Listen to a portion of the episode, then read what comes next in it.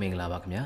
လေကြောင်းတိုက်ခိုက်မှုကြောင့်တမူးနယ်ဆက်အနီးကျေးရွာမှာအရက်သား15ဦးထပ်မံအသေးဆုံးတတိယအကြိမ်မြောက်ပိုင်း၃ပွဲနဲ့စစ်ကောင်စီဆွေးနွေးမှုဘာရက်လက်ထွန်းနိုင်မလဲမြင်ရတယ်မြန်မာနေခရိုနီကယ်ဇန်နဝါရီလ9ရက်နေ့မြင်ကွင်းမှုမကအဆောင်ပါကိုစတင်ဖတ်ကြားပေးပါတော့မယ်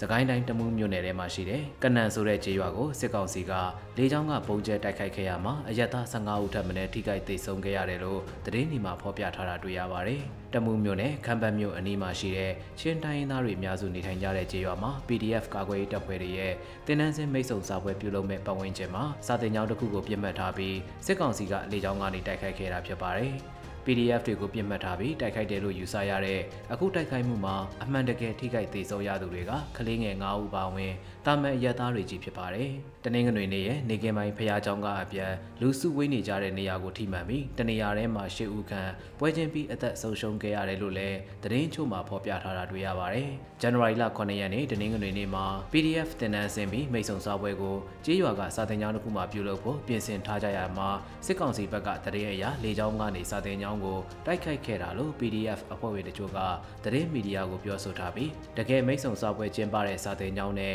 အခြားစာတင်ကျောင်းအဆောက်အဦတို့မှာမှားယွင်းပြီးပြစ်ခတ်တိုက်ခိုက်ခဲ့ရမှာအရက်သားတွေအများပြားသိဆုံးကြတာဖြစ်ပါတယ်။အိန္ဒိယနဲ့နယ်စပ်မြို့ဖြစ်တဲ့တမှုမြို့နယ်တွေကခံပတ်မြို့ကိုပြီးခဲ့တဲ့လတွေက PDF တွေကတိုက်ခိုက်သိမ်းယူထားပြီးစစ်ကောင်စီဘက်ကပြန်လည်တိုက်ခိုက်သိမ်းယူနိုင်ခြင်းမပြုဘဲအခုလိုသတင်းအချက်လက်စုဆောင်းပြီးလေကြောင်းကနေတိုက်ခိုက်တာမျိုးတွေလှုပ်ဆောင်နေတာလို့ကောက်ချက်ချကြတာပါ။စစ်ကောင်စီအနေနဲ့မြေပြင်မှာဖြန့်ကျက်လှုပ်ရှားနိုင်တဲ့အနေအထားမြေပြင်ကစကန်တွေမြို့တွေခုခံကာကွယ်ကထိမ့်သိမ်းထားနိုင်တဲ့အနေအထားတိတာစာရွက်ကြလာနေပြီးလေကြောင်းကနေတိုက်ခိုက်မှုကိုသာတိုးပြီးလှုပ်ဆောင်လာက ERO လို့ခေါ်တဲ့တိုင်းရင်းသားလက်နက်ကိုင်အဖွဲ့တွေနဲ့ PDF တွေသိမ်းယူထားတဲ့မြို့တွေမှာအခြေမချနိုင်အောင်မတိငြိမ်အောင်လေကြောင်းကနေတိုက်ခိုက်နေတဲ့သဘောလည်းဖြစ်ပါတယ်။အခုလိုအိန္ဒိယနယ်စပ်ကကြေးရွာတွေမကမြန်မာနိုင်ငံအနှံပြားကတိုက်ပွဲဖြစ်ပွားနေတဲ့နေရာတွေနဲ့စစ်ကောင်စီစံကြေးရေးလက်နက်ကင်တပ်ဖွဲ့တွေထိန်းချုပ်ထားတဲ့နေရာတွေကလှုပ်ရှားမှုတွေကိုထောက်လှမ်းပြီးနေ့စဉ်လေကြောင်းတိုက်ခိုက်မှုတွေလှုပ်ဆောင်နေတာလည်းဖြစ်ပါတယ်။နန်ခမ်းမှာတိန်ဒီမှာကချင်ပြည်နယ်ဝိုင်းမော်မြို့နယ်မှာပဲခူးတိုင်းညောင်လေးပင်မြို့နယ်ကနတ်တန်ငွေမြို့တွေမှာ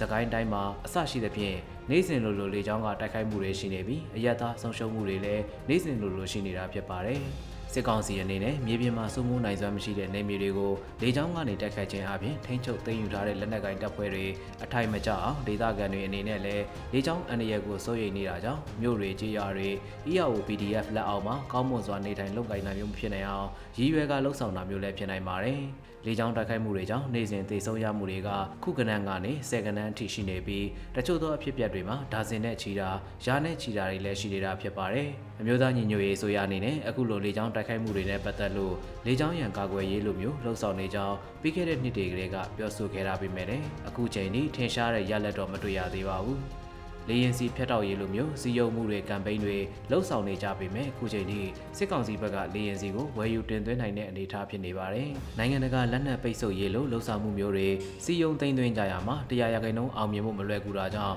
လက်နက်မဟုတ်တဲ့လေရင်စီလိုမျိုးမယောင်းချနိုင်အောင်လှုပ်ဆောင်ဖို့ကမလွယ်ကူတဲ့အနေအထားမျိုးလည်းဖြစ်နေပါတယ်။ဇန်နဝါရီလ9ရက်နေ့ကနေ9ရက်နေ့ထိတရုတ်နိုင်ငံယူနယ်ပြည်နယ်ထဲမှာစစ်ကောင်စီရဲ့မြို့သားညီညွတ်ရေးနဲ့ငင်းငယ်ရေးဖော်ဆောင်မှုညှိနှိုင်းရေးကော်မတီနဲ့မြောက်ပိုင်းညီနောင်လက်နက်ကိုင်သုံးဖွဲ့ကကိုယ်စားလှယ်တွေတွေ့ဆုံကြဖို့ရှိတယ်လို့သတင်းတွေထဲပေါ်ပြထားကြပြီးဘလို့ရလက်မျိုးတွေထွက်ပေါ်လာမလဲဆိုတာတော့စောင့်ကြည့်ရအောင်မဲ့အနေအထားမျိုးဖြစ်နေပါတယ်။တရုတ်နိုင်ငံရဲ့ဂျားဝင်ညှိနှိုင်းမှုအရဒီဇင်ဘာလဆန်း9ရက်ဝန်းကျင်မှာပထမအဆုံးချိန်တွေ့ဆုံခဲ့ကြပြီးအပြစ်ရက်ဖို့တစိမ့်တစ်ပိုင်းသဘောတူခဲ့တယ်လို့တရုတ်နိုင်ငံဘက်ကသတင်းထုတ်ပြန်ခဲ့ပေမဲ့အဲ့ဒီနောက်ပိုင်းလက်နက်ကင်တိုက်ခိုက်မှုတွေအရှိန်ပုံမမြင့်တက်လာသလိုစစ်ကောင်စီဘက်ကမြို့တွေနဲ့စခန်းတွေထပ်မံလက်လွတ်ဆုံးရှုံးခဲ့ရတာဖြစ်ပါတယ်။တပန်ဒုတိယအကြိမ်တွေ့ဆုံမှုကိုဒီဇင်ဘာလ22ရက်နေ့ကနေ24ရက်နေ့ထိတရုတ်နိုင်ငံထဲပြုလုပ်ခဲ့ကြပေမဲ့ထူးထူးခြားခြားရလက်ထွက်ပေါ်လာခြင်းမရှိဘဲအဲ့ဒီနောက်မှာလောက်ကိုင်းဓာတ်ဆက်ကဌာနချုပ်ကုတ်ခိုင်မြို့နယ်စစ်ချေဆိုင်စခန်းတွေစတာတွေထပ်မံလက်လျော့ခဲ့ရတာဖြစ်ပါတယ်။အခုတစ်ချိန်ဆွေးနွေးပွဲဟာဒန်းနုရည်သူဆွေးနွေးပွဲဆိုတာတက်ကိုမြောက်ပိုင်းညီနောင်လက်နက်ကိုင်သုံးဘွဲဘက်က